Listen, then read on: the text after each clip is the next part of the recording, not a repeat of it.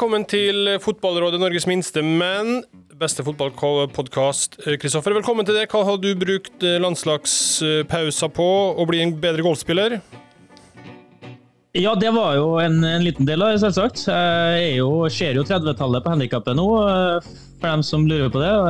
Jeg er relativt godt fornøyd med årets golfsesong så langt. Men det var jo viktigere ting, da. Bryllup til min gode venn Kristian Engen Rismark. Det gikk eh, knirkefritt for seg. Ingen skandaler, kun god stemning. Såpass, ja. Meget god helg. Uh, ingenting som kan fortelles fra det bryllupet, eller? Noe som Nei Det er jo alltid noe som renner og Mikke Karlsen er jo der og er jo en god mann i sånne sammenhenger. Han har jo da offisielt lagt opp. Ja. Uh, kan, kan jo da bjuda enda mer på. Eh, selv om det er færre kamper igjen av sesongen. Så dem som skal ha seg noen sosiale tilstelninger utover høsten, gjerne også eh, vinteren, så ville jeg invitert Mikke, for han har nå ja, skoene straks på hylla, og da er han enda mer Mikke Karlsen enn Mikke Karlsen noen gang har vært. Eh, bra. Eh, gratulerer til Kristian med bryllup og alt. Ja, det ble ja. Eh, fra begge parter. Og etter det så gikk vel bare én vei opp og fram. Han var faktisk eh, sjelden en Eggen er tom for ord. Mm. Men eh, det var han delvis så det var rørende å se. Det er bra. Velkommen i hvert fall til det. Vi har uh, fått en konkurrent, faktisk, både i å være minst og best. Uh, velkommen tilbake, Ljå. Du har nisja deg inn i podkastverdenen sjøl, du, med fotballhode. Yes, stemmer, stemmer. Hvordan går, går, det der? Nei, Det går veldig bra. Det har vært uh, utrolig gøy. Det var jo egentlig en sånn uh, drøm som jeg har hatt i, i, noen år, om å ha en podkast om fotballpsykologi. Mine to lidenskaper kombinert der. Og så prøvde jeg meg først med eget utstyr, eh, alene som vert, og fikk med noen gjester, egentlig gode gjester, men ble jævla dårlig, da. Så da skjønte jeg at det å lage podkast er vanskelig. Fikk jeg med meg medvert, Henrik Herbrøden, og så fikk vi hjelp av noen som heter Radiometro til å produsere. Så nå er vi virkelig oppe og kjøre, har fått massiv respons. Så det er gøy. Deilig, da. Eh, det er et helvete å lage podkast sjøl. Eh, og når du har i tillegg en medvert som ikke alltid er den enkleste å ha med å gjøre, så blir det krevende. Så det er veldig bra at du setter ord på det jeg føler på, ja. Takk, takk, for det. Vegard, du fikk faktisk velfortjent ros på Twitter om dagen. Jeg ble tagga i en tråd. Uh, Sleipnes er jo der inne og backer oss opp, som alltid. alltid. Som alltid. Men det må folk vite. Jeg er en ussel sidemann. Teknisk udugelig, blant annet. Får så vidt til å legge ut en story på Instagram. Så den jobben du gjør, Vegard Uvurderlig. Kjempebra. Eh, det var dit jeg ville. Takk skal dere ha, begge to. Eh, og så en annen herrebrøden. Eh, Øyvind Herrebrøden, en venn av huset. Du er foreløpig fornøyd med å være gjest. Du har ikke noe, ja, ikke noe Kjempefornøyd med å være gjest her. ambisjoner om å starte noe eget, eller? Nei, nei, nei. Her deltar jeg på det jeg kan. Ja. Sist omtalt som guttungen av Otto Ulstedt. Som en del av guttungene. Ja, det kan nok fort hende, ja sportsjournalistgjengen, som er sportsguttungene, som ikke bidrar noe som helst til den opplyste fotballdebatten. Det er vel konklusjonen fra Otto i dag. OK, uansett, velkommen skal dere være alle tre. Hyggelig å ha dere her. Vi stuper rett i det. Ny skuffende kveld på Ullevål. Den uunngåelige skuffelsen meldte seg igjen da Norge tapte 0-2 mot Serbia, og gikk da glipp av gruppeseieren i denne vakre konkurransen Nations League. Eh, du var der, ja. Eh, hvor skuffende, overraskende, hva ord vil du bruke på det, var det her? Jeg vil si at det var maksimalt skuffende, minimalt overraskende. Jeg hadde en dårlig magefølelse, og det er jo sånn blitt en klisjé nå, men det er jo det som skjer hver gang. Godt spill, bygger opp forventninger. Nå tenker vi nå er vi på gang. Og så når det kommer til disse avgjørende kampene, så svikter vi. Og ikke bare svikter litt, men svikter egentlig totalt. For det eh, Slovenia-kampen var svak, men den kampen i går syns jeg var pill råtten. Så det var veldig skuffende og kjipt. Uh, du Kristoffer, så den vel hjemmefra. Hva var din tanke umiddelbart etter 90 pluss? Nei, Vi bygde jo forventningene, vi òg. Vi samles jo da en del fra laget, eh, inkludert eh, landslagssjefens sønn, med eh, sin egen norgedrakt og greier og greier. Litt sushi der og ja, cola i, i glasset. og Vi fikk da én tur opp av stolen. altså én skikkelig tur der du er på gang, og det var etter ja, 25-30 sekunder. Etter det så sank vi bare dypere og dypere ned, for det var dessverre klasseforskjell på, på lagene. Eh, Jo, jeg toucher innom det. Eh, Øyvind, det her er jo et gjentagende fenomen for eh, vi som er på landskamper. Når det virkelig skal avgjøres, så føler vi at her, da går det gærent. Ja da. Eh, jeg syns jo faktisk at det første målet til Serbia i går, det var prikk likt som det første til Bentner i Parken i tilsvarende kamp, hvor vi rett og slett blir spilt rundt. Ball i mellomrom, ut på kant, rundt, og scoring fra, eller, eh, inn fra mål, og så scoring. Jeg føler som at det var, det var eh, vi, vi er på samme sted som for ti år siden, eller elleve. Det er, jo det er jo fryktelig hvis man ikke har nesten tatt et steg på elleve år, men eh, det er, det er kanskje det er kanskje en sannhet i det, eller? Er det litt sånn dagen derpå man svartmaler litt for mye? Nei, det som jeg, jeg syns Norge har vært veldig god i Nations League frem til denne samlingen her. Men det som skuffer meg enormt denne samlingen her, er egentlig kanskje først og fremst eh, det som vi gjør på egen halvdel, men offensivt. Altså frispillingen. For det at hvis du overhodet ikke har noe frispilling i det hele tatt, så er det vanskelig å ta grep om kamper. Da føler jeg at det er mye mer som er opp til tilfeldighetene, og mye mer som er opp til at eh, Haaland skal trylle. Eh, sånn at, og, og så snakker man ja, disse spillerne, de er, nei, disse stopperne, de er så komfortable med ballen. Men har, for, altså, vi trenger ikke gå lenger tilbake enn til forrige samling, der vi kunne se både Østegård og Hanke. Altså de, eh, Om de ikke er liksom helt verdensmester i frispillingsfasen, men de er mer enn gode nok til å kunne gjøre, gjøre den delen mye bedre enn det de har klart i denne samlingen. her. Sånn at det, det er det som spillmessig har jeg synes har vært mest frustrerende å se på. At det er så mange baller som blir slått tilbake inn til keeper. Og når de da blir slått tilbake inn til han, så er det jo fortsatt rom til å kan spille han ut på back. Og, men det ser ut som det er veldig mange spillere som er sinnssykt redd for å gjøre feil, og så tenker veldig mye på konsekvenser. Nå var jo ikke du på jobb på kamp i går, Øyvind. Jeg vet ikke om du var på Ullevål heller, men Nei, eh, jeg så på TV. ja. Hvordan eh, vurderer du det du så, da, satt opp imot det Solbakken og landslaget har levert litt over tid nå, da, sånn kvalitetsmessig? Nei, altså Over tid så har det jo vært eh, bra under Solbakken. Altså, det er jo sånn Serbia-borteseieren var vel første gang da på mange år at Norge slo en betydelig bedre ranka motstander. Det er jo det som har vært problemet. Men så blei det jo også satt fokus på før den samlinga her at det var lite spilletid, eller i hvert fall ikke ønska nok spilletid i forsvar og på keeperplass. Eller i hvert fall eh, av Nyland, da. Så eh, det var jo litt sånn en eh, det, var, det var, ble jo påpekt ting på forhånd, at ikke ting var helt optimalt. Og jeg, når du ser tilbake på den junisamlinga, så var jo dette klar nedtur, da, for da var jo Norge veldig solide. Og liksom slå Sverige, riktignok et Sverige som er i endring, et Sverige som kanskje et generasjonsskifte, et uh, spillsystemskifte. Uh, og ikke, de viste seg jo i den samlinga her at, de, ikke, at de, de fortsatt sliter litt. Så er det uansett sterkt av å slå Sverige i Stockholm, slå Sverige i kamp fire, uh, med litt press og sånne ting. Så jeg syns jo at, eh, at Norge har vært gode over en periode.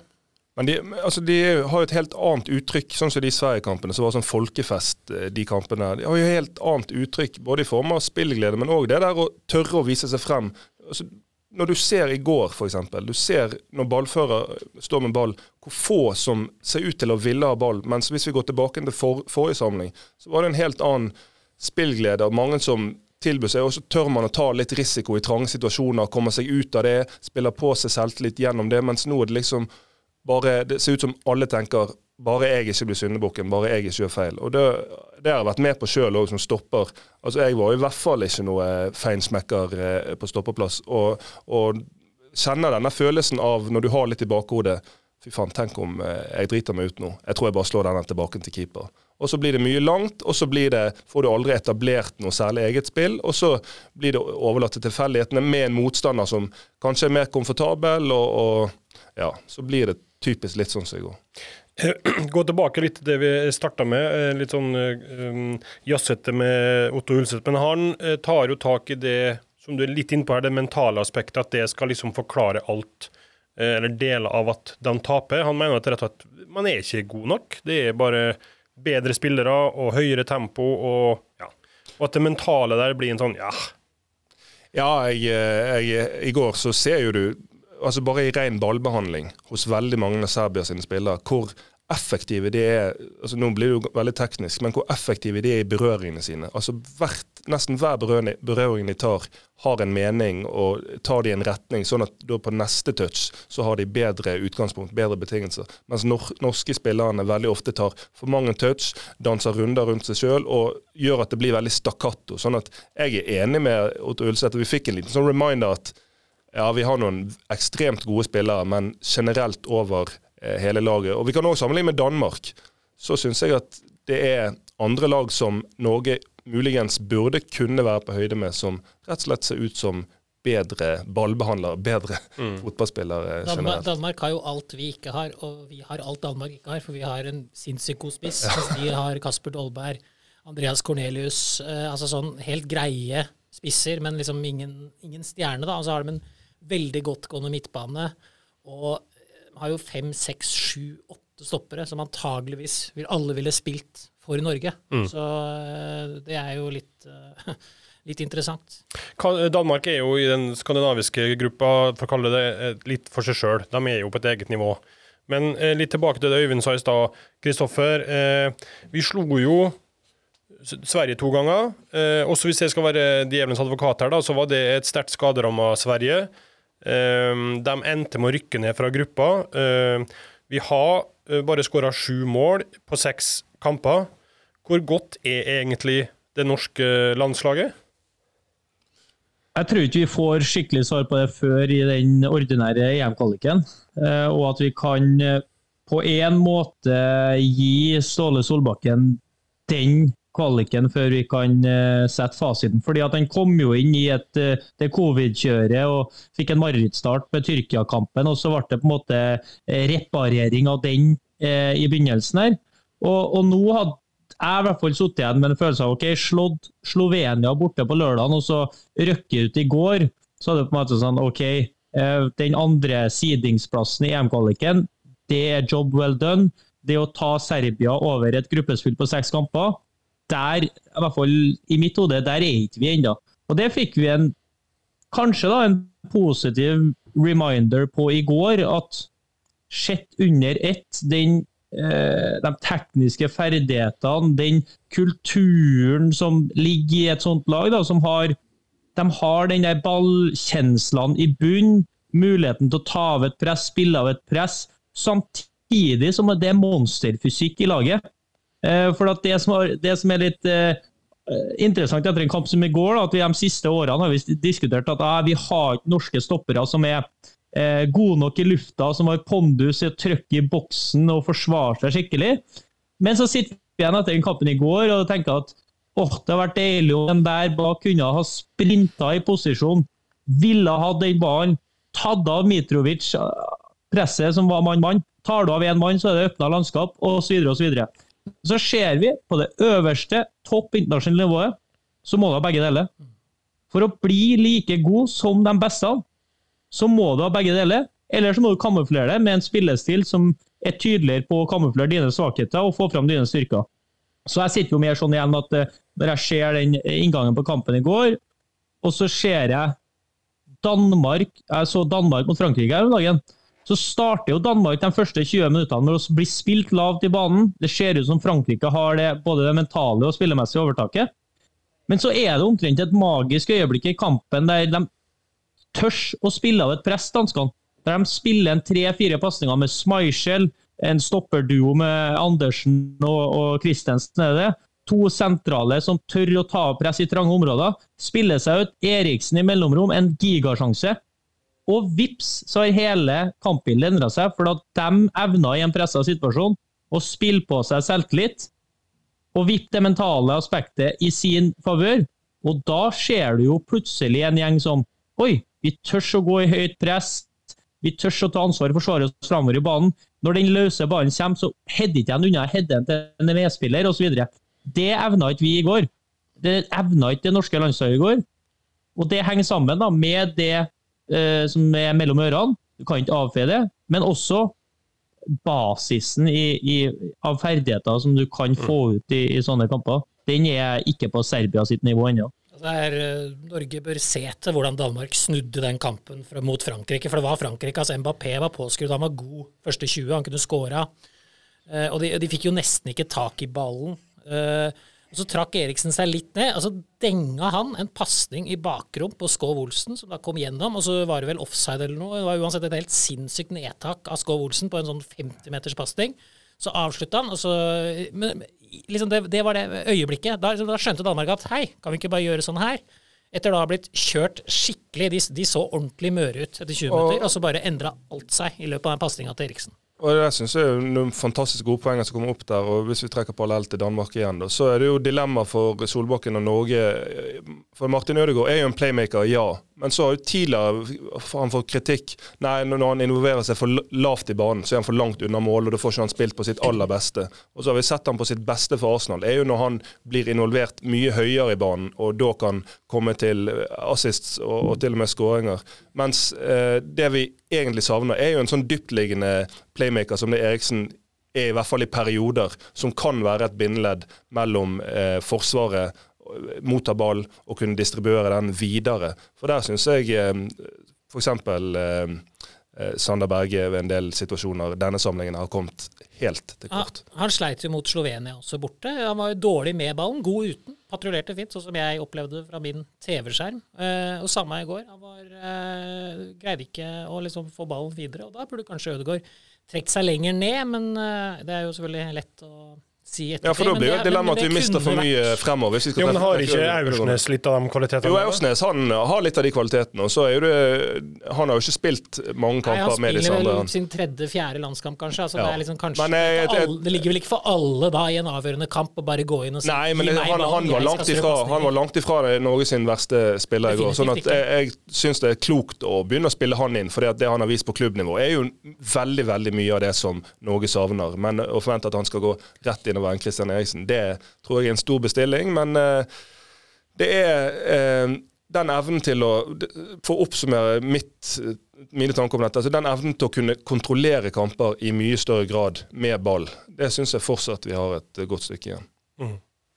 Da har nok også Serbia blitt slitne, for det presset mm. de la opp til uh, i den matchen, var jo ekstremt imponerende. Men uh, det, det, de ville jo naturligvis blitt mye mer sliten etter kanskje 70 minutter, hvis Norge hadde hatt ballen i lengre sekvenser ja, av kampen. Og så er det jo selvfølgelig, eh, når de presser såpass mann-mann-basert, så er det en stor risiko med det hvis du mister og det er vanskelig å spille seg ut. Men de gangene du klarer det, så må vi tenke at vi har verdens mest brennheite angrepsspiller i Haaland. Og når de, de da nesten ligger mann-mann med han, så er det på en måte en, et kjempepluss. Hvis de da tømmer seg, presser mann-mann, og, og, vi kan finne han i, i gode posisjoner. Sånn som vi faktisk klarte ved et par anledninger.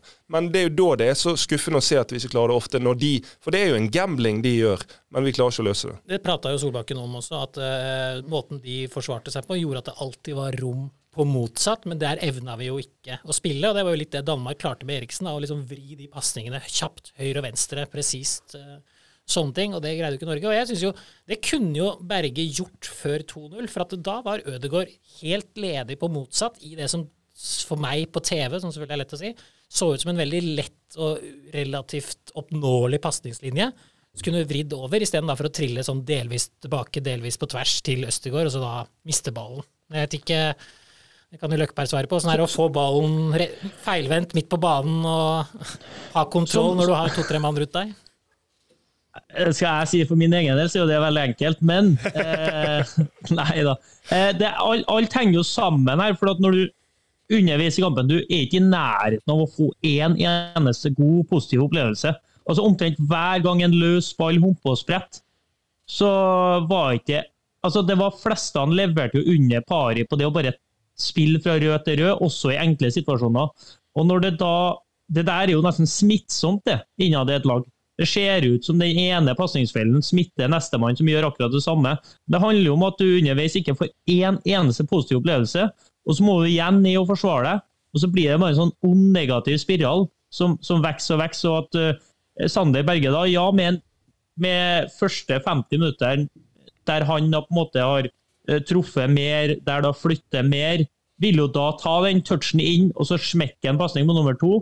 Men når den usikkerheten sitter her, så tar du gjerne en ekstra touch, og så blir du dårlig orientert, og så begynner du å skal rette opp en feil, og så rette opp en feil med en feil, og så baller det på seg.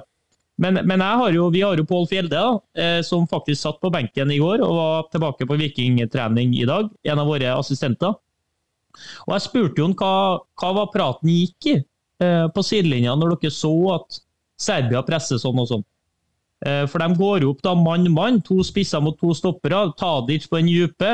Indreløperne blir plukka ut, og så er wingbacker som ligger bare og venter på at de skal uh, hugge til på, på sidebackene og var komfortable tre mot tre bak. og Da diskuterer jo de flere løsninger på ok, hvordan kan vi rokke rom på våre spillere. Skal vi trekke ned en sideback eksempel, og skape tre mot to eh, mot deres to spisser? Skal gjøre det vanskeligere for dem på den, den måten.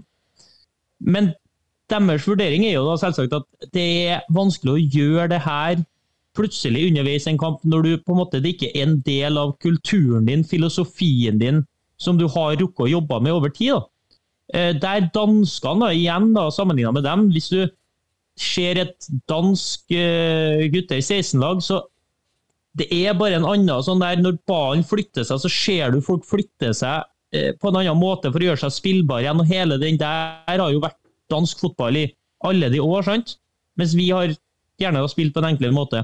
Så jeg tror det de var mer skuffa over, er at man ikke klarte å tydeligere løse det med et langballspill der det var folk som var tettere på rundt duellen. For at det går an. En måte å løse det på er å spille av presset, men en annen måte å løse det på er å spille over presset. Og der jo satt jeg foran TV-en at OK, jeg anerkjenner at det her er ikke lett for Østigård og Hanke Olsen å plutselig skal begynne å motta ball, få en i trynet, tre opp sentralt. Men jeg satt og forbanna meg over at det ikke går an å sette opp mer et langballspill og et andreballspill der du kanskje kommer rettvendt i mellomrom med at du slår opp mot Sørloth. Kanskje ikke han vinner, men at du allerede er på gang og på vei inn mot der den ballen kommer til å dette ned. Og Der tror jeg også de var skuffa over at ja, Haaland kom ikke seg tett nok på Sørloth idet ballen var på vei. Det var ingen midtbanespiller eller sideback for den saks skyld som var på gang i det rommet når Sørloth han endte opp da feilvendt en del ganger, og så ble han bare førende hjem mot eget mål. Istedenfor å få en rytme der du kan få opp, tilbake og så kanskje gjennom. da, For det er jo sårbart, det òg stå igjen tre mot tre, men jeg må jo si at jeg ble jo superimponert av den stoppertrioen til Serbia. som både var god i lufta og god med ballen og samhandling der den ene ikke duellen, og de bare plukka opp den ballen etterpå. så Det var ikke lett, men jeg skulle kanskje ønske at jeg så mer av det. da, At det ble eh, også snappa opp, ikke bare av dem på sidelinja, men dem ute på banen der og si at OK, vi er ikke verken laget eller dagen til å spille av et press, men se her. Det ligger tre mot tre på topp. Vi har tre gode spillere. Kan vi spille opp dit, og så få tydeligere understøtte, og så bygge derfra? Det var vel det Solbakken sa også etterpå. At uh, flere baller, flere lange baller i brysthøyde og ned på de, de vi hadde framme. Så de var nok inne på det på benken, men at det ikke nådde ut, eller at man ikke fikk uh, fikk, eh, rett og slett fikk de situasjonene hvor man kunne gjøre det. Da. For det, det, sa han jo umiddelbart etter kampen til TV 2, så det, det må jo ha vært framme der. Eh, bra. Hva til slutt, bare. Eh, nå er det vel trekning til den ordinære EM-kvaliken i starten av oktober.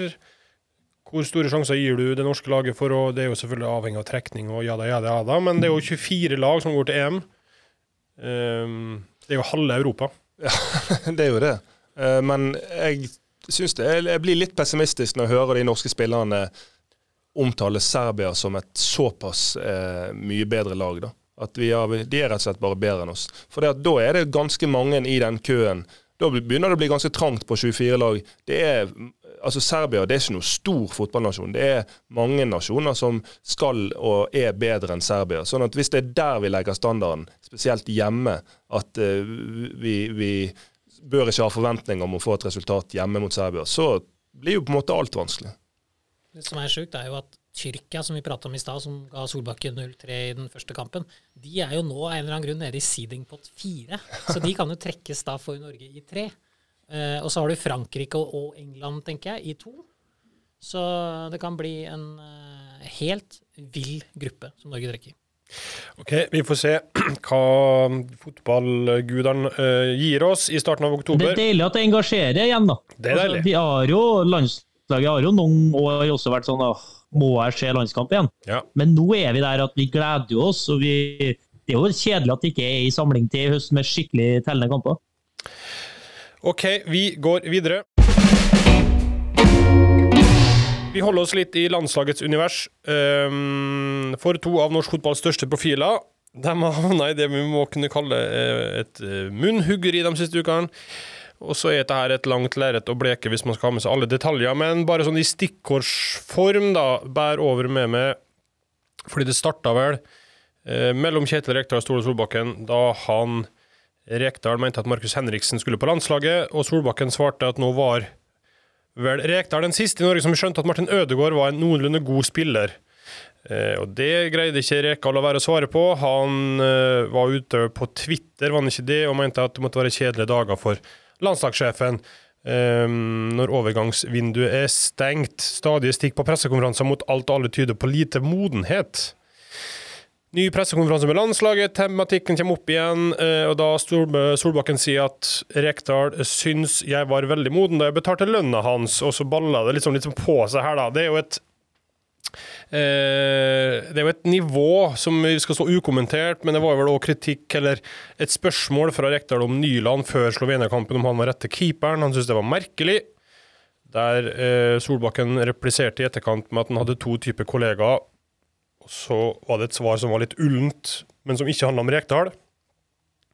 Og så eh, kulminerte vel med at eh, Ståle Solbakken fortalte om hva slags type kompiser de var, eller er. Ehm, og at Rosenborg burde bli bedre og komme seg ut av Europa. For da ville Kjetil få mer erfaring eh, fra internasjonal fotball og se at verden har gått fremover. Ehm, du kjenner jo, eller du jobber jo med landslaget, Øyvind. Du kjenner jo godt til disse to karene her. Hvordan vil du oppsummere den diskursen, eller Nei, altså, det som- Er det ikke det det heter? Jo, ordskiftet heter det. Eh, det som bør anføres her, er jo at det, det er jo stort sett to karer som svarer på det de blir spurt om, da. Eh, Og i bunnen her, eller egentlig hele veien, så ligger det jo egentlig en fotballfaglig diskusjon. Hvordan skal Norge bruke Ødegaard? Greier Solbakken å få nok ut av Ødegaard fra i fjor? Skal Markus Henriksen være med nå? Og så eh, svarte jo Solbakken kun med humor, da, uten å dra på med en fotballfaglig vurdering. Men eh, men eh, at, så det er jo det som ligger i bånn, at de får spørsmål om rent fotballrelaterte ting. Så det er jo ikke en sånn eh, en sånn herre eh, Hva skal man si? En sånn tilgjort greie om at de er uvenner. Altså, det handler jo bare om at de diskuterer fotball mellom seg. Og så, som sagt, de er to karer som sier meninga si, og det er jo ikke alle som gjør i fotballoffentligheten. Og to kjente, suksessrike profiler. Da, da kommer de på da kommer de på TV og i avisen. Så eh, Vegard, du har jo vært en del av denne dramaturgien, mener jeg. For du har jo vært ute på Twitter og postet da et klipp av Rekdal som eh, kritiserer Markus Solbakken, og, og, og spilt det opp som en sånn prequel til denne konflikten. Ja, det er jo mer med humor, egentlig. Men eh, jeg tror jo Det er et sitat der da, som jeg beit med merke i, der Ståle Solbakken sier han syns jeg var veldig moden da jeg betalte lønna hans i HamKam. Jeg har jo et inntrykk av at det er en kime til liksom denne her ord, munnhuggeriet her, da, beefen. Den ligger i HamKam. Eh, og det som skjedde da eh, Rekdal dro derifra, og at han ønska å hente med seg Geir Frigård, som han gjorde, Sam Rogers, Christian Eriksen Altså, jeg føler at det er et eller annet som ligger der, da. En klubb som Ståle Solbakken er rimelig glad i. Ja, men det er jo veldig naturlig å tenke i de baner. Sånn, Solbakken er jo helt åpen, og han har et stort hjerte for HamKam og har vært der og bidratt på alle typer måter. Sånn at, og, og, og det Rekdal eh, Den avgangen hans svekket jo HamKam på en måte. Sånn at, eh, at det skal spille inn. Vi er jo mennesker, så at det spiller inn på en eller annen måte, det, det tror jeg på. Men jeg syns jo først og fremst at det er underholdende, og eh, at folk får et litt sånn innblikk i, i den tonen som er mellom tidligere spillere og, og som, som jeg kjenner. Eh, Men så har jeg ett spørsmål til Kjetil Rekdal, som jeg skulle ønske noen kunne stille han. Eh, Nå har jo Rosenborg gjort det bra, men i de periodene Rosenborg har gjort det dårlig, så skulle jeg ønske noen kunne spørre han hvordan hadde eksperten Kjetil Rekdal eh, snakket om Rosenborg og snakket om treneren Kjetil Rekdal eh, på nåværende tidspunkt. At han er, virker veldig hårsår, eller oppmerksom i hvert fall på kritikk som rettes. Eh, men, men altså, jeg har vært i studio med meg sjøl. Han er jo ganske knaller og, og, og melder og, og, slakter. Sånn at den balansen der eh, og, nå går jo han litt inn og ut av ekspertrollen. Eh, selv om han er trener Rosen, for Rosenborg. Sånn at den eh, balansen der syns jeg er eh, underholdende. Interessant. Interessant. interessant. Hvordan leser du det her, Kristoffer? Tror du det er en, en, altså, at det er en genuin kime til eh, krangling her? Er det litt show og artig, eller hvordan leste du det? Det er vel litt sånn at enhver spøk har et nev av sannhet. og Når du er inn og stikker med en blanding av ja, Du er litt ironisk samtidig som at du ønsker å å få frem det du, det du mener, da, så, så, er det jo noe som mest sannsynlig har skjedd. Og, men jeg, jeg, jeg, tror jo at de da er mer typene til å være eh, litt som jeg skulle ønske flere var. De er enige om å være uenige om ting og ha respekt for hverandre, uten at de, som veldig mange andre, da, må passe på å stryke hverandre med hårene og snakke rundt det når de får spørsmål, sånn som Øyvind er innpå her, så svarer jo de. De ønsker jo å, å, å være medienes venn på en måte. Da. Og, og, da blir det underholdende for folk, og jeg setter jo stor pris på det. Og så tror jeg nå de eh, kan møtes på Ullevål dem, etter en landskamp eller hva det er, og, og diskutere fotball og, og snakke eh, til hverandre. Både å være enige om ting, men også da tydelig uenige om ting. og Det syns jeg jo bare er sunt. da. Og så vil jeg jo gjerne ha mer av det. For at det det går an, selv om etter Twitter har kommet der alt må være enten det ene eller enten det andre, så går det an å faktisk eh, akseptere at selv om du er enig med noen, så kan de faktisk si noe fornuftig som er relativt saklig, som det går an å mene. Og så har du lov til å stå på andre sida. Det er liksom ikke at jeg har rett eller du har rett. Eh, så, så det syns jeg bare er fint, og kanskje flere kan eh, gjøre ting på den måten. Du, eh, dere er jo innom det begge to, du og Øyvind, at her er to stykker som liker å svare, og som eh, svarer på det de blir spurt om. Tror du det her kan ende med at eh, en eller begge snurper litt mer igjen? At de på en måte ikke orker det her eh... Nei, det tror jeg ingen av dem har i seg. det, det, blir nei, rett og slett? Ja, det tror jeg faktisk ikke at de er. Det er sånn de er. Ja. Og jeg tror ikke de ser noen grunn til å endre på seg. Jeg har jo spurt Solbakken om det her et par ganger. liksom Bruker han medierådgiver og mm. alt mulig? For han er jo i pressekonferansen hans er jo egentlig en en veldig bra forestilling, da, for det er knallhardt fotballfag. Det er litt sånn historikk, det er litt humor. Uh, spesielt sånn i FCK før de europacupkampene. De pleide jeg å se på når jeg drev og rydda hjemme eller høre på, for at da, da, kunne den komme med Fleksnes og alt sånt. Så jeg nekter å tro at folk skjønte det helt i Danmark, selv om han uh, Ja. Så han, han, det er jo en liten Uh, litt sånn, så Eggen var jo ekstrem, eller i hvert fall sånn vi husker det. For det, nå, hus, nå, ser vi jo bare de aller morsomste pressekonferansene mm. hans. Men, jeg, men, det Solbakken driver med, er jo eh, Og det tror jeg liksom bare er han oppsummert. Da. Han er engasjert, han er meningssterk, og han, uh, han skygger ikke unna. Uh, og liksom han, ja, det han sa til meg den gangen, var at han har aldri giddet å bruke tid sånn i ettertid på Aff, hva er det jeg sa nå? Eller han har aldri spurt en PR-rådgiver om liksom hjelp, eller, eller hvordan takla jeg det her, eller bør jeg, bør jeg, snakke annerledes? Så begge to er jo veldig trygge på seg sjøl, da. Så Drømmejobb for Morten Skjønsberg, da. Hæ? Drømmejobb for Morten Skjønsberg, ja, ja, ja, som er kommunikasjonssjef der. Uh, Trenger bare å følge klokka, han. Nå er vi ferdig. Ja. Ikke sant. Jeg så forresten at vi fikk et spørsmål på Twitter om det kun var sportsjournalister som var interessert i denne beefen.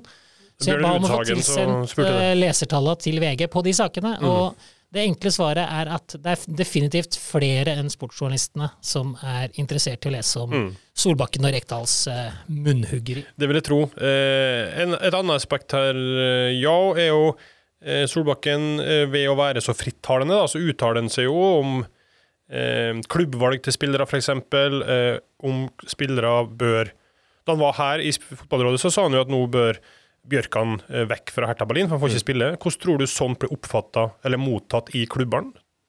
Uh, nei, det tror jeg Han er jo en fornuftig kar, sånn at de tingene han sier, det tror jeg spilleren det resonnerer jo veldig. Uh, og for, for, hans del og for vår del å ha en landslagssjef som er så i mange sammenhenger upolert, syns uh, jeg virker som det gjør noe med tilliten. Altså virker som folk har større tillit til at de tingene han sier, det mener han, og det står han for. Og så om klubbene syns at det er kjipt å høre, så han, har jo ikke jeg opplevd at han sier ting om spiller- og klubbvalg som er helt urimelige. Uh, og, og da tenker jeg at det er helt greit. Ja, nei, jeg tenker bare på f.eks. Hertha Berlin. da. Ja. Hvorfor skal landslagssjefen legge seg opp i vår disposisjon? Ja, det er jo naturlig svar at landslagssjefen vil jo at spillerne skal spille mest mulig Mm. på et høyest mulig nivå, få ha best mulig betingelser og være i best mulig form, kampform, når de kommer til samlinger. Så Det er egentlig veldig naturlig at han sier det. OK. Jeg eh, opplever at han utgangspunktet, også i den gress kunstgressdebatten, så er jo han ekstremt tydelig. Han har vel terga på seg Det var vel en sak med Stavrum i Molde, eller hvem det var, som var, så seg lei av akkurat det der, da. Men jeg, liker jo at han mener jo en ting, han står hardt for det. Og hovedbegrunnelsen hans er at det er det beste for norsk fotball. Og det må jo vi applaudere at det er en som faktisk eh, bryr seg mer, da, og i et større bilde enn bare å dukke opp når det først er landslagssamling. Vi eh, tar eh, et litt annet aspekt ved landslaget. For hvordan bruker klubbene landslagspausen best mulig? Full frihet og ferie og kasino og Marbella, eller terping? Eh, Kristoffer, hva er din foretrukne ja, Du har vært på Skafylla med Christian Reg Eggen Rismark, så da vet du vel svaret der. Ja, det var en gård ute på Byneset der, og det trøndersk bryllup, det er ikke rolig, men eh, Det er restitusjon, kanskje? Ja, mental restitusjon på sitt aller, aller beste. Og du får liksom litt ny giv etterpå til å, å gnu på med resten av sesongen, men jeg har opplevd litt eh, forskjellige varianter. Noen tenker jo at eh, det er jo ikke måte på hvor mye man skal trene, hvor hardt man skal trene, og helst så lite fri som mulig. Mens andre er jo mer i den åh, endelig kan du få fri, og du mistenker at eh, trenerne eh, kan ha like mye lyst på de fridagene som, som spillerne. da. Men eh, jeg, jeg føler jo sånn at typiske sett fra utsida er jo alle tenker hvis det går dårlig med et lag, kom deg hjem og tren. Da er det dødens å kommunisere at nei, guttene har fått et par dager fri. Hva er det dere holder på med? Men hvis det går bra, da går alt fint. Mens jeg er jo, det er jo nesten i, i, i den motsatte enden, at hvis det går bra, da har du jo mye mer giv og energi i gruppa til å faktisk eh, være på feltet en dag ekstra, terpe og gjøre det litt kjedelige, tunge arbeidet. Men hvis det går dårlig, så er en landslagspause gull for, for hode og kropp til, til dem på laget. Og ta gjerne en ekstra dag fra hverandre. Uten at det betyr at du skal ha fire dager på fylla eller ikke røre deg. Så det, er ikke, det er ikke sånn det funker. Jeg syns det er stilig måten du elegant danser deg unna det faktum at du var på knallfylla i bryllup helgen. Det var jo det som i utgangspunktet var spørsmålet, sånn som jeg opplevde det. Ja, Du var mer interessert i hvor tung den lørdagen var? Ja, lørdagen og mandagstreningen og Ja, altså det er jo, jeg er jo ærlig om at eh, du har en tung dagen derpå, det, har alle, det vet alle. Mens dag nummer to, eh, når du faktisk skal opp i rettida og trene skikkelig, det er en uh, seig øvelse både til hode og kropp. Jeg Men eh, kan fortelle fra Stabæk at eh, der var det i en periode litt for mange festglade typer. Og så en verste fiende Sånn at de landslagspausene ble jo på en måte en fiende for Stabæk. da. For da var vi egentlig ikke i gjenge før onsdagen igjen, all, alle mann. Og så er det jo inn i en sånn landslagspause, spesielt hvis du ikke har hatt fri på lenge, og spesielt hvis du er singel, så er jo overtenningen et totalt faktum. Og da er det liksom eh, Får du gjerne fri fredag, lørdag, søndag. Og da er det mange som kjører da torsdag, fredag, lørdag. Og det sier altså en halv sånn Altså på byen, tenker du nå? Ja, på byen, ja. ja. Og, og med overtenning så vil det jo si at det er ikke tre, tre pils og så hjem heller. Og da er det ren fysiologi at du ikke er i vater før onsdags-torsdagstreningen igjen. Og så de få gangene for lenge siden jeg har vært involvert i en sånn massiv helg i en landslagspause, så er det jo sånn at du sender deg tung mandag, det har du regnet med. Og så er du tung tirsdag, og så tenker du sånn ja, i morgen så må jeg komme meg opp igjen. Og så er du faen meg tung onsdag, og så begynner du å se at det er kamp lørdag, så begynner du å stresse bare sånn Faen, det er noen som har satt seg Jeg har fått noe virus i kroppen. Har det satt seg permanent? Og så rekker du å komme deg i lage igjen, da. Men eh, det, er, det er ikke helt eh, optimalt måten den helgen blir disponert på av noen, i hvert fall. Men hva er den optimale disponeringa her, da? Der Altså, har jeg fasiten òg. selvfølgelig. Det er, Det er Har du fri lørdag, søndag, eh, fredag, lørdag, søndag, så er den optimale fasiten en lagkveld, full, full flatfylla og fullt kjør torsdag kveld. Og så familietid, reise og treffe folk du ikke har eh, sett på lenge. Ta deg en tur i fjellet, få litt frisk luft, få litt andre omgivelser og inntrykk. Ta helt fri, prøve å legge vekk mobilen, og så komme da helt eh, oppladet, avkoblet og påskrudd eh, mandag. Trening mandag. For det der er faktisk et veldig godt innspill, for at de gangene jeg senser da, at eh, her er det mange i garderoben som har planer, høyre og venstre, lørdag skal jeg det, fredag det, ditten og datten, det er da du skal inn og arrangere lagsfest, fordi at du vet at alkoholinntaket kommer til å være der uansett. Men da, hvis alle gjør det hver for seg, så mister du den der fantastiske effekten lagsfesten kan ha på samholdet. Så hvis du da, som Ljå sier, er i forkant, ta deg en tur på trenerkontoret og si vet du hva, på torsdag kveld så kommer jeg til å gå i bresjen for en samling der og der. Det blir ordentlig kallas. Men det her er kun fordi at da vet jeg at de planene på fredag og lørdag, de fordufter. Folk orker ikke, gjør andre ting. Du orker ikke. Det, de melder avbud til med en eneste gang. Så, så det der er faktisk en sikker, sikker vinner. Vi prøver å unngå kunstgress så mye vi kan. Det greier vi til en viss grad. Noe annet vi prøver å unngå, er cupen. Der er vi ikke så gode. Det blir eh, Det er en gjentagende eh, diskusjon her. Eh, og på Norges Fotballforbunds neste styremøte avgjøres det da hvordan kuppen skal spilles neste år. Et alternativ, Øyvind, er å droppe hele turneringa for 2023-sesongen. Det skrev du i VG tidligere denne uka her. Sett oss litt inn i bakgrunnen her. Ja, det er jo sånn at uh, det er uh hangover fra korona fortsatt når det gjelder kampdatoer og terminliste. Så det som skjer på det styremøtet, som jeg tror er 12. eh, det er at de skal fastslå hovedterminlisten, som det så fint heter i Norge, for 2023. Og da er de nødt til å bestemme seg for cupen. Så fikk jeg innsyn i noe materiale som da tyda på at de hadde liksom begynt å se på det her. Eh, Det finnes et NM-utvalg som da skal eh, se på cupen, så da ble jeg litt nysgjerrig på det. Og så begynte jeg å ringe og sjekke litt, da. Og da sa de jo det at de skulle fastslå hovedterminlista for 2023 på det neste styremøtet, og da var de nødt til å avgjøre cupen for 2023, og da så du jo da på de tre alternativene som jeg lista opp i den saken, som da er enten å spille cupen som ordinært uh, har vært i Norge, i hvert fall pre-covid, og det er uh, med første runde og finale i løpet av samme kalenderår.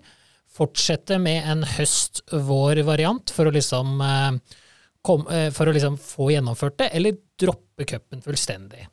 Og det, Nå har det jo vært veldig mye kritikk da, i retning av at man eh, både for så vidt høst-vår og selvfølgelig alternativet om å droppe det fullstendig. Og så tror jeg også de kanskje diskuterer et og annet alternativ til eh, nå i forarbeidet av det styremøtet. Og så får på en måte styremøtet, eller NFF-styret, da får kanskje to alternativer de skal ta stilling til. Gjør vi det sånn eller sånn? Eventuelt en innstilling på at vi bør gjøre det sånn, og så får de se om de er enige.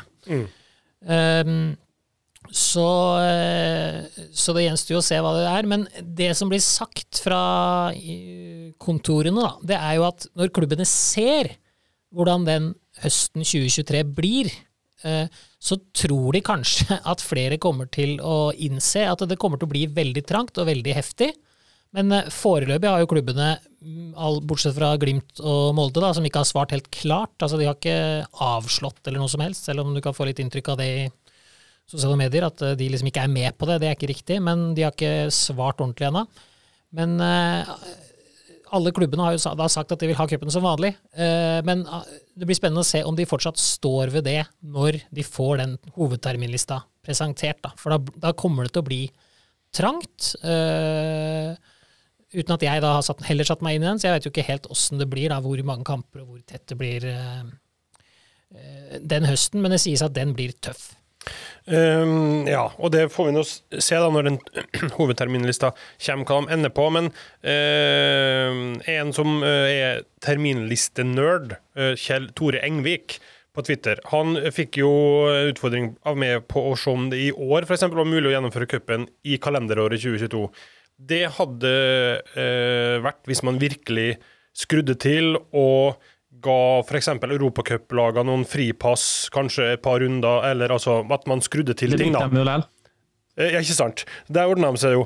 Men eh, eh, hva tenker du, Kristoffer? Eh, er det ikke eh, Det må jo vel være mulig, for å legge ord i munnen på det, å finne en løsning der man greier det innenfor et kalenderår, og der eliteserielagene er med? Altså, Ja, og hvorfor har vi 25 mann i stallen, da? Er det for å spille 30 kamper, liksom, og ha en uke imellom og spille med 11-12 og holde dem skadefri? Eh, for meg så går det an, da, og hvis de sliter med det, så skal vi jo spille fjerde runde, er vel 12. mars eller noe? Eh, hvis vi går videre, vi har jo ennå ikke spilt tredje. Eh, Når er det er lenge til, jo, det. Når er det? eh, 12. oktober eller noe? Det er faktisk da styremøtet er, da. Ja, så da skal vi møte Kristiansund hjemme i, kampen om eh, å få møte Rosenborg hjemme i fjerde runde. Men rundt de datoene her, så ja, det blir fjerde runde videre i årets cup, da. Men det må jo gå an å flette inn de tidlige rundene omtrent samtidig med det. Og så må det bare være sånn at noen lag omtrent får kamp ja, De har årets femte runde tirsdag, og så er neste års første runde torsdag. Og så får du spille med brukstallen din da, i løpet av to kamper på kort tid. Og da, I første og andre runde av cupen, så når, hvis en unggutt skal få sjansen, hvis han ikke skal få sjansen, da, når skal han få muligheten i løpet av sesongen? eller og jeg, jeg tenker, Hvis det blir et år der du må bare pushe på det, og så får du heller eh, ja, tørs å bruke stallen din i større grad i starten av sesongen for at eh, vi har skjønt nå, vi har lært nå at cupen skal spilles innenfor samme kalenderår, og vi skal avslutte sesongen med finalen på høsten. Det, det er en unison enighet om det, og så skjønner jeg at noen har egeninteresser, men de som har egeninteresser oppi det store hele, som er de europacuplagene, de har nå i hvert fall økonomi til å ha en stall som kan takle både 60 og 70 kamper løpet et år. Du nikker stort sett, jo. Ja, så er det jo ikke noe sånn Hvis du mener at det blir for tett, for hektisk kampprogram, og at du ikke har bredde i tropp til Det er jo ikke sånn verden går under hvis du ikke prioriterer cupen. At du er nødt til å vinne cupen for at du skal være liv laga for, for din klubb. Så jeg skjønner ikke egentlig helt problematikken. Og så syns jeg eh, det er jo ugunstig skal du si, mediehåndtering av NFF. For dette er jo sånn rødt flagg for Folk koker jo og klikker jo helt fullstendig med, med Vegard, Vegard i front der. Så- Blir malt som et Twitter-troll her. Uansett. Så, eh, sånn at det at det skal bli snakk om å droppe cupen, det skjønner jeg ikke bare. Og jeg tviler på at det er veldig sannsynlig, men at, at det blir snakk om det, er for det første veldig provoserende. Og når det da er så mange klubber som ønsker å ha cupen, uansett hvor hektisk det blir, så jeg mener jeg det bare å si til de som eventuelt ikke eh, mener at de ikke klarer å håndtere det, at ja, men da får dere bare la være å prioritere cupen. Jeg er jo ikke noe offentlig meningsbærer sånn sett, men eh, cupen er jo Den kjenner jo et virkelig eierskap til, eh, i mye større grad nesten enn serien. Og da blir jeg personlig provosert når Nils Fiskekjønn sier at det mulig vi skroter cupen. Og da Jeg tror ikke det kommer til å skje, men jeg syns det er overraskende at forbundet syns det er greit at en i forbundet sier det. Ja, men det er akkurat det jeg mener. Sånn at den, den, Det der å vinke det røde flagget i ansiktet på så mange som eh, elsker cupen, setter pris på cupen, og eh, av alle klubbene i Eliteserien, så er det veldig få som har mulighet til å vinne serien. Det, det sier seg sjøl. Mens cupen er det mye mer åpent. Der går det an å drømme. Sånn at det der å ta fra x antall klubber den cupdrømmen, når det er så stor velvilje for å kunne tilpasse seg, og vi har vist ganske nylig med, med korona at det der å hive inn kamper og være litt sånn kreativ i oppsettet, det lar seg gjøre to år på rad. Sånn at eh, jeg føler dette her er et problem som de klarer å skape litt eh, unødvendig stort. I Men forkant av hvorfor er det så vanskelig å spille to kamper i uka i Norge? Jeg skjønner, Kan det dere skjønner ikke jeg heller. Nei, det når vi gjorde, altså Selvfølgelig med, for spillere sånn som meg som var mye utsatt for skader, så blir du skadet. Men det er jo, nå er det jo bare større og større tropper. Det er unge spillere som står og venter, plutselig får sitt gjennombrudd i, i en av disse kampene. sånn at, at det skal være så vanskelig, det tror jeg er mer sånn der fiktiv, innbilt greie. Kristoffer? Ja, jeg er jo helt enig med det. Det eneste som er tøft med det, er jo mentalt. Også det å evne å skru på, men det må jo læres, det må jo øves på. Eh, Det merka vi med E-cupen i sommer, at vi var jo enige om at eh, individer til oss ikke evner å gjenskape den samme gløden fra torsdag til søndag som må til da, når du er et OK fotballag og møter et annet OK fotballag, så, så, er det jo lite som skiller. På at du da ikke går på banen med den samme energien som gjerne kreves da, for å kunne vinne eh, på søndag, som du gjorde på torsdag når den viktige kampen var i, i gåseøyne. Så, og det, det, må jo bare øves på over tid, og det har jo Bodø-Glimt vist oss egentlig at det er jo ikke så forbanna vanskelig, det. Og, og fysisk også, så har jo de klart å stå veldig godt i det. Så det er ikke noe grunn. Jeg ser ingen grunn. Og spesielt da med den preseason vi har i Norge, lengden på den. Hvis ikke evner å øve i løpet av tre måneder, så gir jeg blanke. Da evner du ikke å øve mellom kampene heller, da. Da har du jo kasta bort tre måneder. Hvorfor skal du liksom ha en sånn øvingsuke mellom, mellom hver kamp, som skal liksom være så god og fin å ha? Nei, og, og nå, da. Nå er jo siste kamp er jo 13. november. Og første kamp neste år, da, for oss blir jo 12. mars. Det er jo fem måneder med preseason, da, hvis du, hvis du vil ha det. Hvis du ikke da er fysisk forfatning til å kunne spille mer enn søndag-søndag, nei, da får du finne på noe annet. Eh, kan det være f.eks. For et forslag, tror du, at eh, hvis kampbelastning er så vanskelig da, for enkelte at uh, eliteserielagene kan komme inn fra tredje runde f.eks., eller det bryter det med alt av tradisjon her, eller? Ja, altså Problemet da, med det er jo at uh, første runde, altså breddelagene blir jo snytt for uh, inntektene og festen og alt sånn, uh, som de på en måte kanskje, om ikke legger i budsjettet, så i hvert fall håper på da, og drømmer mm. om at Molde skal til Eidsvågen, og Rosenborg skal til uh, Verdalen, og Lillestrøm skal til Aurskog-Høland, liksom. Mm. Det, er, uh, det, er, jo det de håper på. Så, liksom, den er jo skummel, den òg. Et hensyn som NFF må legge inn, da. Fordi uh, det kommer jo ikke 2000 mann og ser, og ser HamKam mot Furnes i 12. mars. Furnes får ikke fylt opp klubbkassa og kiosk og fylt Eh, og tømt kioskene de da. Mm. De, eh, det gjør de 1. mai. Mm. For da er, da er, liksom familiene i modus, og da kan det liksom lages cupfest. Så det også er jo en uh, balanse de må ta inn her, da.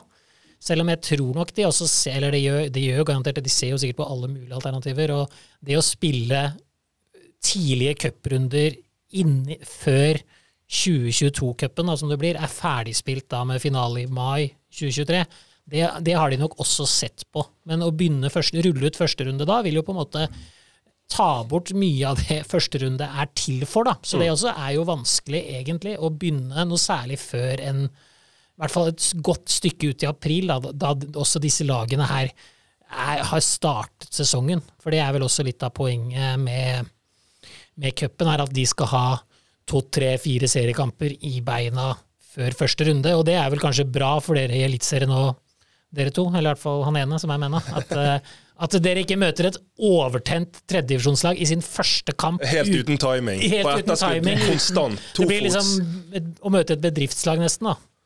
Ja, veldig gjerne. Og da må vi jo bare kanskje eh, fremskynde å spille flere seriekamper. da, I april f.eks. Og spille seriekamper. Øke det antallet i, i, starten av sesongen for å frigjøre plass i f.eks. mai-midtukene, som gjerne er Eh, tradisjonelt sett så er det en del midtukekamper i Eliteserien nå i mai, f.eks. At du switcher om der, har flere midtukekamper i starten av sesongen, og så har du da skapt plass som gjør at det er vel høsten som jeg har skjønt er hovedutfordringa. At det ikke kan være altfor mange mm. runder igjen om å spille da. Spesielt med tanke på at det det er vel noen rykter om at uh, Uefa skal uh, gi Champions League sånn hedersplass med egne uker, og Conference League og Europa League skal spilles i egne uker og, sånne ting. Så jeg, jeg skal gi deg det. Jeg forstår jo at det ikke er verdens enkleste ting, men vær så snill ikke gå ut og si at du i hele tatt vurderer å avlyse cupen. Det, er selvmord. og Da begynner jeg å lure på hvem sitter i den komiteen der, og er det mulig å melde seg inn?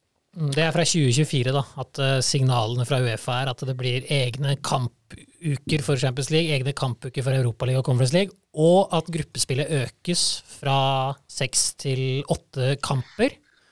Altså flere lag i hver gruppe. Så fra 2024 så, blir, så blir det enda vanskeligere da å få cupen inn. Og så var det i hvert fall en sånn regel en gang i tida om at det helst ikke skal foregå nasjonale eh, turneringer med, liksom i en slags konkurranse med Uefa. Da. Men det er mulig de gikk vekk fra det. Jeg husker ikke helt hvordan den regelen er nå, men det, men det har i hvert fall vært, vært en gang, og kanskje er. Så det gjør også det litt vanskelig, da, hvis det helst ikke skal pågå cup, eller være sånn terminfesta cup i Norge, samtidig som jeg- Champions League spilles, da. Jeg syns det er parodi. Altså, skal vi legge opp alt vi gjør i Norge etter en turnering Ja, Det er nok Uefa-bestemmelser, da. Ja, jeg skjønner Det det, men, men det som blir feil for, for folk flest, er jo at det skal bli lagt opp et opplegg i Norge for en turnering der vi eh, mest sannsynlig ikke er med engang. Mm. Eh, Og så skal vi derfor måtte rokere på hele, hele cupen, som betyr mye for mange. Det Men da har. Championship har unntak den når det i England, for der spilles det jo seriefotball på Champions League-dager. Det er Ja, ikke noe så, stress. ja, altså, så jeg, jeg, men det kan hende være øverste nivå, da. Og cupen regnes Ja. som øverste nivå. Det kan hende det bare gjelder ligaene. Jeg veit ikke. Jeg har ikke Ja. finlest opp på det. Vi skal avslutte det her, men jeg tror kanskje også litt av irritasjonsmomentet blant folk. Jeg kjenner på selv, at Man sitter igjen med et inntrykk av at cupen er blitt en sånn salderingspost som ikke blir tatt skikkelig på alvor heller. Og det går òg på eh, hvordan man fordeler kamper i de tidligere rundene, der det liksom er gjentatte oppgjør. og man er ikke kreativ nok og man, fra dem som arrangerer. da, Og så kommer det jo noe eh, rettighetsforvaltning inn i bildet her. og jeg tror liksom den litt dalende kurven cupen har, den er fullt mulig å snu, hvis man bare Ja, er litt kreativ og tar eh, liksom vare på å dyrke den eh, vakre turneringa det faktisk egentlig Ja, for det er jo den turneringen vi har som får eh, flest mulig med. Mm. Altså De tidlige rundene så har du med lag fra lavere divisjoner. Og så, som sagt, så har hele Eliteserien har en drøm og et håp. Og en noenlunde realistisk mulighet på å vinne hele greien. I motsetning til serien, og i motsetning til å komme i Europa. Mm. Bare eh, et helt eh, nytt poeng som du nevnte for meg, Øyvind, nå skal jeg avslutte. Men hvis, la oss si, Viking går videre i cupen nå mot KBK, eh, skal spille mot Rosenborg om åtte måneder i neste runde. Hva kan Viking gjøre i mellomtida for å liksom maksimere sine muligheter for å ta cupen? Ja, altså Det er jo et poeng med høst-vår. da, Det skrev vel, eh, eller det har vel Jo også sagt noe om, tror jeg, at uh, det blir jo to forskjellige lag som møtes. Uh, og i uh, Altså sånn at det er jo to forskjellige årganger. Det kan være bytta trener, det kan være bytta spillertropp. Alt kan jo være forskjellig da fra si fjerde runde til kvartfinale. da. Og da går det jo også an, da, hvis man virkelig skal tenke kynisk og komme seg inn i Europa, så kan man jo hente tre-fire kvalitetsspillere på halvtårskontrakt fra 1.1. Eh, og så bare for å gå all in for cupen, vinne cupen, komme seg i Europa med alle de penger og morsomme kamper og den klangen det kan gi, da. Eh, så det er jo også noe NFF får ta hensyn til da, i vurderinga si av cupen. Det at, eh, at et lag da kan liksom nærmest eh, eh, planlegge kun for cupsuksess. Jeg tror liksom ikke det er sånn at det ville vært et enormt problem i Norge, men i teorien kan man jo da hente tre-fire klassespillere, gi dem et halvt års kontrakt. Da er det mulig du får noen skattegunstige fordeler også, hvis du bare skal jobbe et halvt år i Norge. Så eh, det er jo eh, også et aspekt ved det, at eh, hvis cupen skal fortsette da å gå fra høst til vår. Ja, I andre land der de har eh, sesonger som er ferdig på våren, så gir jo det mye mer mening. Sånn som f.eks. i Danmark. Så spiller de eh, cup på våren, og så, men der er det jo mye mer kontinuerlig. Mens sånn som du sier her, da plutselig er du et eliteserielag som har rykket ned, eller så du, du er et Obos-lag som spiller, spiller videre i cupen, og du har fått inn en, eller du har fått inn en haug med nye spillere, nye sponsorer, ny trener. Det blir jo eh, ja, helt eh, sjelløst. Ok, Vi får se hva forbundet kommer frem til. Jeg ser for meg at det er ikke siste gangen vi har vært innom cupen. Um, vi går videre. Kristoffer, uh, denne ukens løksuppe. Jeg har egentlig bare sittet og venta på et sånn bakholdsangrep fra Ljå. Og jeg er fortsatt egentlig litt usikker på om det Flirer du nå av at du vet at det dukker opp, eller flirer du av at det dukka opp en gang? Nei, det flirer av. er at jeg har vært litt travel i det siste, så det er det jeg hadde lyst til. Det, nei, det tror jeg faktisk jeg skal spare til eh, en eventuell neste gang, hvis jeg blir invitert tilbake igjen. Ok, så der, der, Derfor så har jeg vært litt avventende til Løksupa. Der jeg bare på en måte hatt et sånn skyts tilbake mot Ljå. da. Så da må jeg jo spare det, jeg òg, til Ok. neste gang. Men, men en helt annen ting er at jeg har fått litt frykten for det EM 2024 etter ref tidligere diskusjon her, da, og gårsdagen som var en skuffelse, og kvaliken som blir vanskelig. For jeg har jo, har jo bobilplaner til EM i Tyskland i 2024. Jeg Trodde plassen i troppen skulle ryke for deg nå. Ja, jeg er livredd for at den skal rykke. Så hvis det er noen fra andre nasjoner, mest sannsynlig ikke som hører det her, som kjenner noen som uavhengig av Norge, da. For hvis du er en tysker i Norge som trenger en bobil ned til Tyskland og har seg en happening, så kan det hende at den blir ledig. For, men, men jeg håper virkelig, Ståle, at du får sving på guttene dine, for den bobilen fra Norge og ned til Tyskland, og observeringa av det mesterskapet, nei, det, det gleder jeg meg til. altså. Altså, det blir tur til Tyskland uansett. Det blir det. Ja. det blir det. Men eh, altså, jeg tenker hvis Norge ikke er med, så kan jeg fly. Men det her er jo et viktig poeng. Nå snakker vi om landslag, vi snakker om Nations League, disse seeding-poengene og en eh, kommende EM-kvalik. Men det er EM i Tyskland, når det er så nært Norge altså Alle mine kompiser snakker om å dra ned, ja de snakker om bobil, eller bare hive seg på en ferge og komme seg nedover. Hvis Norge skulle da klare å komme seg til et mesterskap for første gang på, i hvert fall på folk i min alder sin voksne levetid, så vil det jo være det største idrettsbegivenheten ja, mm. i, i, for ekstremt mange. Sånn, det betyr bare så sinnssykt mye at det er akkurat det EM-et, at det er akkurat i Tyskland, og at vi har en generasjon med, med to-tre spillere i verdensklasse. Og det er et av få Ikke glem muligheten for eh, Mexico, USA, Canada 2026, da. Jo, det er greit, men det her er liksom eh, tysk EM det er liksom et godt gammeldags fotballmesterskap, sånn det skal være. Nå er det jo spredd på alle mulige land, og jeg ser at som kanskje Saudi-Arabia og Hellas og eh, hva var det tredje landet eh, skulle søke om VM. Altså Det er så syke konstellasjoner. Til og med Sør-Korea, Nord-Korea og Kina hadde eh, snakka om at de kanskje skulle søke sammen. Altså, så det her er et godt, gammeldags, klassisk mesterskap, og dit må Norge. Ok, Vi tar to lyttespørsmål, for vi har svart på flere av de andre bare ved å prate som vi har gjort. Uh, Emil Almås, dette her går jo selvfølgelig til det. Ja, og Hvorfor har ikke norske klubber større fokus på mental helse og mental, mental trening? Er det noe godt, kort svar på det? Uh, nei, min lidenskap for det er jo at det er ikke logisk hvor mye ressurser som brukes på fysisk, taktisk og teknisk trening. Altså GPS, pulsmåler, alt som er på det, f.eks. på det fysiske, mens på det mentale, som alle er jo enige om at det er viktig, så er det minimalt. Men så er det jo kommet litt og mer, mer og mer.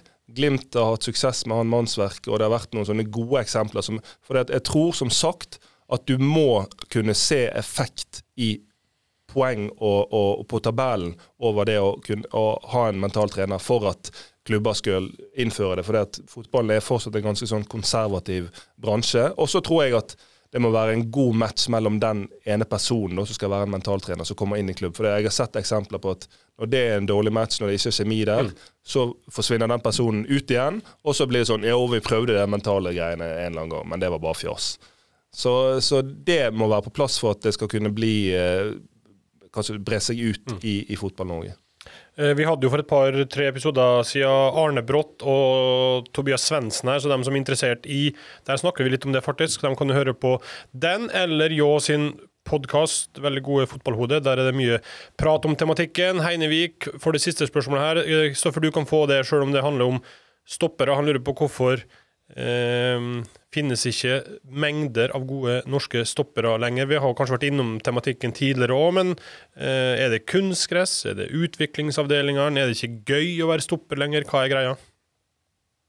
Nei, Jeg husker Fra min tid så møtte opp på kretslandssamling, og så spurte du liksom dem du ikke kjente fra Nord-Trøndelag hvor spiller du hen. Hvor spiller du hen? Altså kun sentrale midtbanespillere. Og så var det noen som ble eh, liksom kasta ned på midtstopperen og måtte spille der.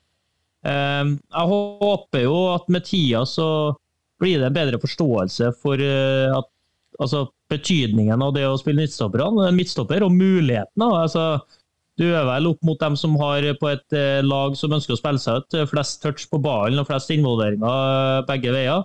Så eh, det håper jeg jo folk får øynene opp for. Og så er det jo, jeg tror jo Tony Ordinas i forrige podkast, som var veldig interessant, han sa jo det at eh, det kanskje man glemmer litt rundt omkring i å dyrke det på en måte de ferdighetene i kamp da, som du gjerne er borti i, i løpet av treningsuka.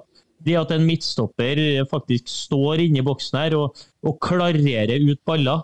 og ikke bare er dytta opp sammen med resten av eh, laget til den klassiske avslutningsøvelsen. Mm. Eh, fordi at det er lystbetont og gøy.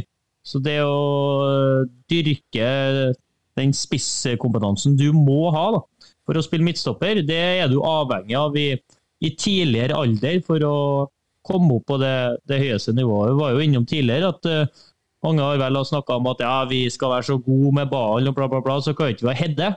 Eh, Og så går det kanskje over til at du må være, nei, du må være en eh, koloss og takle og hedde. Og så ser vi på kampen i år at du må faktisk kunne begge deler. Ja, Det er akkurat det jeg skulle bare tilføye. at Jeg syns av og til i Norge at vi har en tendens til at pendelen svinger for langt ene veien. Vi ser et behov, og så da, da skal det bli ekstremt sånn. Og så eh, svinger han tilbake igjen det vi sier nei, nå må vi ha Sånn som eh, vi, vi har ikke eh, midtstopper som kan klarere og forsvare boksen. Og så har vi kanskje det en periode. Nei, nå må vi ha midtstoppere som er god med ball i beina, god til frispilling. Og så si hvis det blir fokus, så prøver man å produsere veldig mange av de fintspillende typene som kanskje ikke er like dominerende i boksspillet. Så går pennen litt for langt, og så blir det sånn evig runddans. Sånn, det er jo nettopp det som du sier her, å utvikle en finne en balanse og, og vite at på det øverste nivået så må man ha begge deler. Man må være nær- tilnærmet komplett, og så er det jo lykke til til de som skal bli det. Jeg klarte det aldri. Jeg klarte det aldri. Nei, jeg eh, har vært det siden jeg gikk i syvende klasse og har alltid hatt en kjærlighet for det der å hindre motstandere å skåre mål og ja, kunne takle. Sånn at jeg husker da YouTube var helt nytt, og andre satt og søkte på Ronaldo-klipp, så søkte jeg opp greatest tackles og sånn type. Så jeg har alltid hatt en kjærlighet for, for det faget. Um, og, og det er det alltid som har gitt meg mest. Sånn som du sier, å bli plassert på avslutningstreninger på, på trening, har egentlig jeg syns var helt drit. For min del så det der å kunne stå og eh, arrangere et forsvarsspill og, og kunne hive meg inn i noen last ditch tackles det, Har, har du vært på klareringstrening noen gang?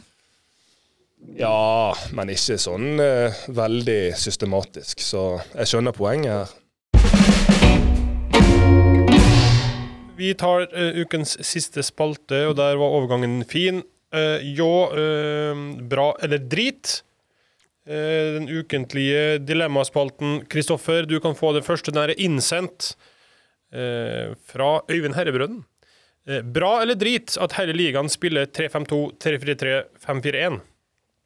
Drit. Skitlig. Jeg er skitlig. Jeg må Det går an å forsvare seg i firebackslinja òg. Kanskje flytte deg litt mer, for å si det til side, men det går an. Eh, vi så jo i går Det norske laget òg gikk jo over til 3-4-3, var det vel, da de begynte å jakte. Og så var det vel noen endringer i Kanskje Ja. enda mer seinere òg. Det var 3-4-3 først, i hvert fall etter det trippelbyttet. De gjorde jo det mot Nederland borte også i november i fjor. Så det er jo, men det er jo en sånn desperasjonsgreie. da. Jeg må jo si det forresten at eh, Norge i går presenterte jo den lengste spissrekka Ullevål stadion har sett siden cupfinalen i 89. Da. Molde stacka opp Jostein Flo, Petter Belsvik og Øystein Næland eh, mot Viking.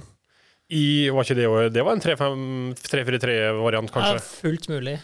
Eh, OK, drit der. Eh, jo, å stå og vente sammen med motstanderlaget i spillertunnelen før innmarsj, og peppe seg opp, liksom. Er det bra eller drit?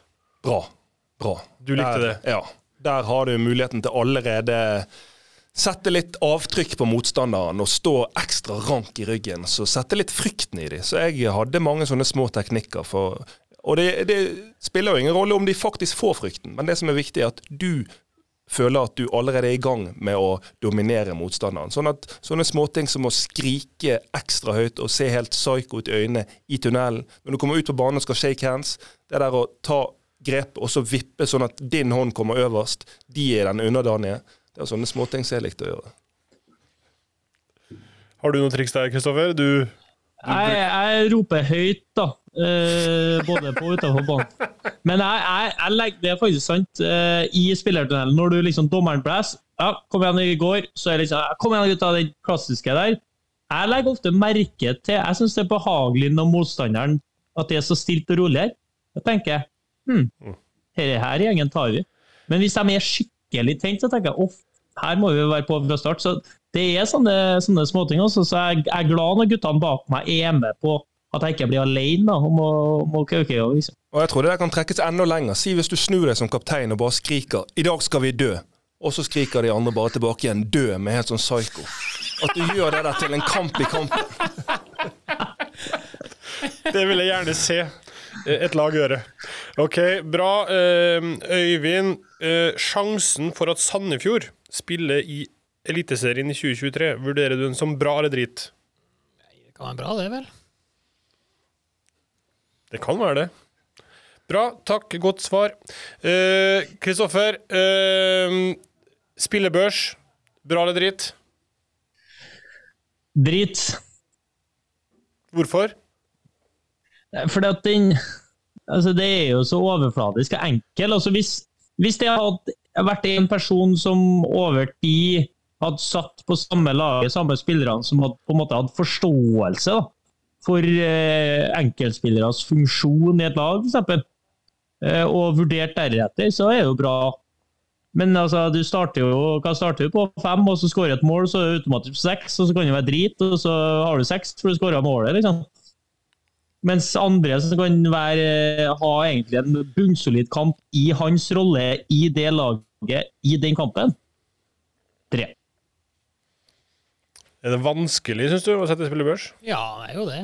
Mm, Så, um, og så kjenner du jo ikke alle forutsetninger som Kristoffer er inne på, da. Men eh, et lag som du ser mange ganger, sånn som han også sier, føler jeg er lettere, da, for at du kjenner mm. fall spillertypen og spillerne bedre. Så du veit sånn cirka hva de kan også. Men eh, man skulle jo gjerne hatt uh, Hvis vi hadde fått være med på spillemøte før hver kamp, så hadde vi fått vite det. Så jeg foreslår at, uh, det blir løsningen. Det er løsninga. Og så er det Når jeg jo blir trener.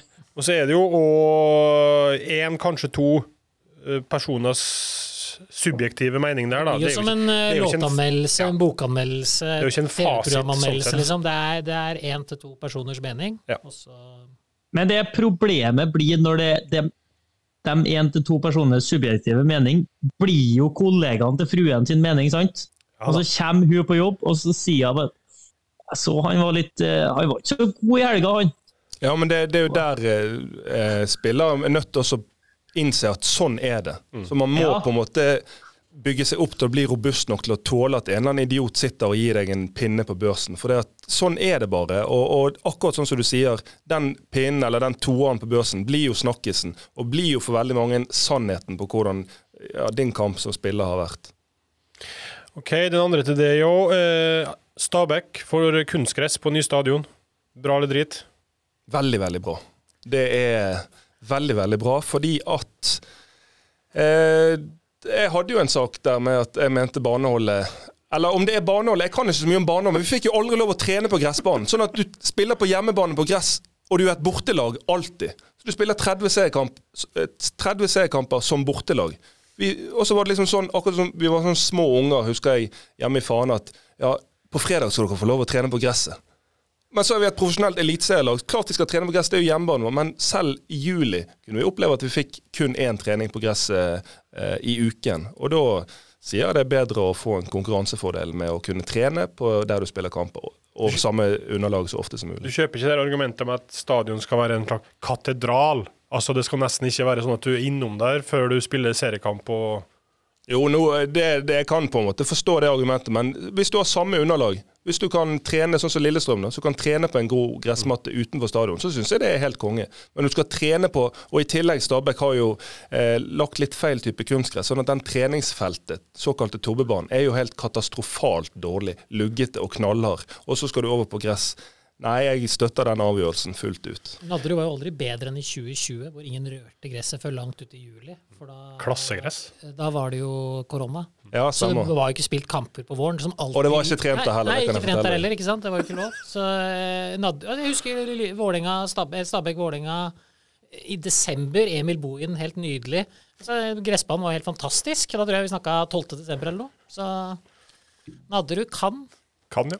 kan hvis de eh, har, har, Hvis de ikke har folka med Hvis, seg. ja. Hvis du ikke spiller fotball her, så Ja, blir det bra. hvis ikke spiller fotball, så blir Nadderud jævlig bra. Uh, og den andre siste det, Øyvind. Trøya utafor shortsen. Det er sånn jeg ikke greier å ha noe mening om. Ja. Så, Jeg trodde du er fra en geografisk sted der alt som har med tradisjon og Ja, så historie vidt. og sånn, det liksom er Svaret på det er at jeg vil ha den utafor, for da min datter spilte fotballkamp her om dagen, så tok jeg faktisk den ut av shortsen hennes og lot den henge, Ja. uh, henge over. Så da er svaret faktisk uh, Ja. jeg vil ha den utafor. Da jeg var ung, så var det å ha utafor, det var liksom bohemete. Yes. Da var man liksom en slags playmaker-type, for da var det fortsatt vanlig å ha den nedi. Du dro den ut for liksom Nei, nei, jeg er liksom en rå fyr. Jeg er bedre enn å ha den nedi shortsen. Ja, jeg må innrømme jeg hadde han alltid oppi, for jeg følte ikke jeg hadde ferdighetene, eller jeg følte ikke jeg var spillertypen til å kunne ha han utenpå, så jeg kjente på en måte mine begrensninger der. Sånn at det, Sammen med sånne høye sokker opp på knærne. Jeg tenkte det får de teknikerne lov å gå med, men jeg har rett og slett ikke teknikken til å kunne bære det, eh, den eh, antrekket. Er det kun Lee Cattermole som etterlevde den i toppfotballen i hele sin karriere? For Ru- Lee Cattermole, Ruben Yttergård, kanskje? har han det? Har ikke han drakta nedi? Han har drakta godt ned, ja. Og, Veldig og shortsen veldig godt opp. Ja. Er det noen i Viking som har nedi? Nei. Røde Rolf? Nei. Rolf kunne ha hatt nedi. Ja. Men du hadde en idé, altså? Vegard, Var du sånn, Nei, hadde jeg, had, nei, jeg hadde ikke en idé. Jeg hadde ikke nedi. Jeg var en av få som dro den opp, sa brura. Jeg tror vi setter, jeg tror vi setter strek der, jeg. Eh, når Øyvind begynner å bli ubekvem med mine Sabrura-vitser, da er det på tide å sette strek. Eh, dere har eh, Rosenborg til helga. Er det ikke det? Nei, hva har dere har til helga? Dere er borte mot. Vi skal til Ålesund. Ålesund og dere, ja. Dere skal sende dem et skritt nærmere nedrykkspanikken. Det hadde jo vært gøy å blande inn et lag til den miksen der, for nedrykksstrid utover høsten, det liker jo folket å følge med på. Ja. Da vil vi ha flest mulig lag involvert. Og Derfor har jeg spurt om Sandefjord, for jeg tror ikke det er Ja, vi får se. Det er KBK som er nøkkelen her. Eh, uansett, takk for at du kom, ja, takk for at du kom, Øyvind. Eh, lykke til i helga, Kristoffer. Og så skal vi rasle oss sammen igjen om ei uke.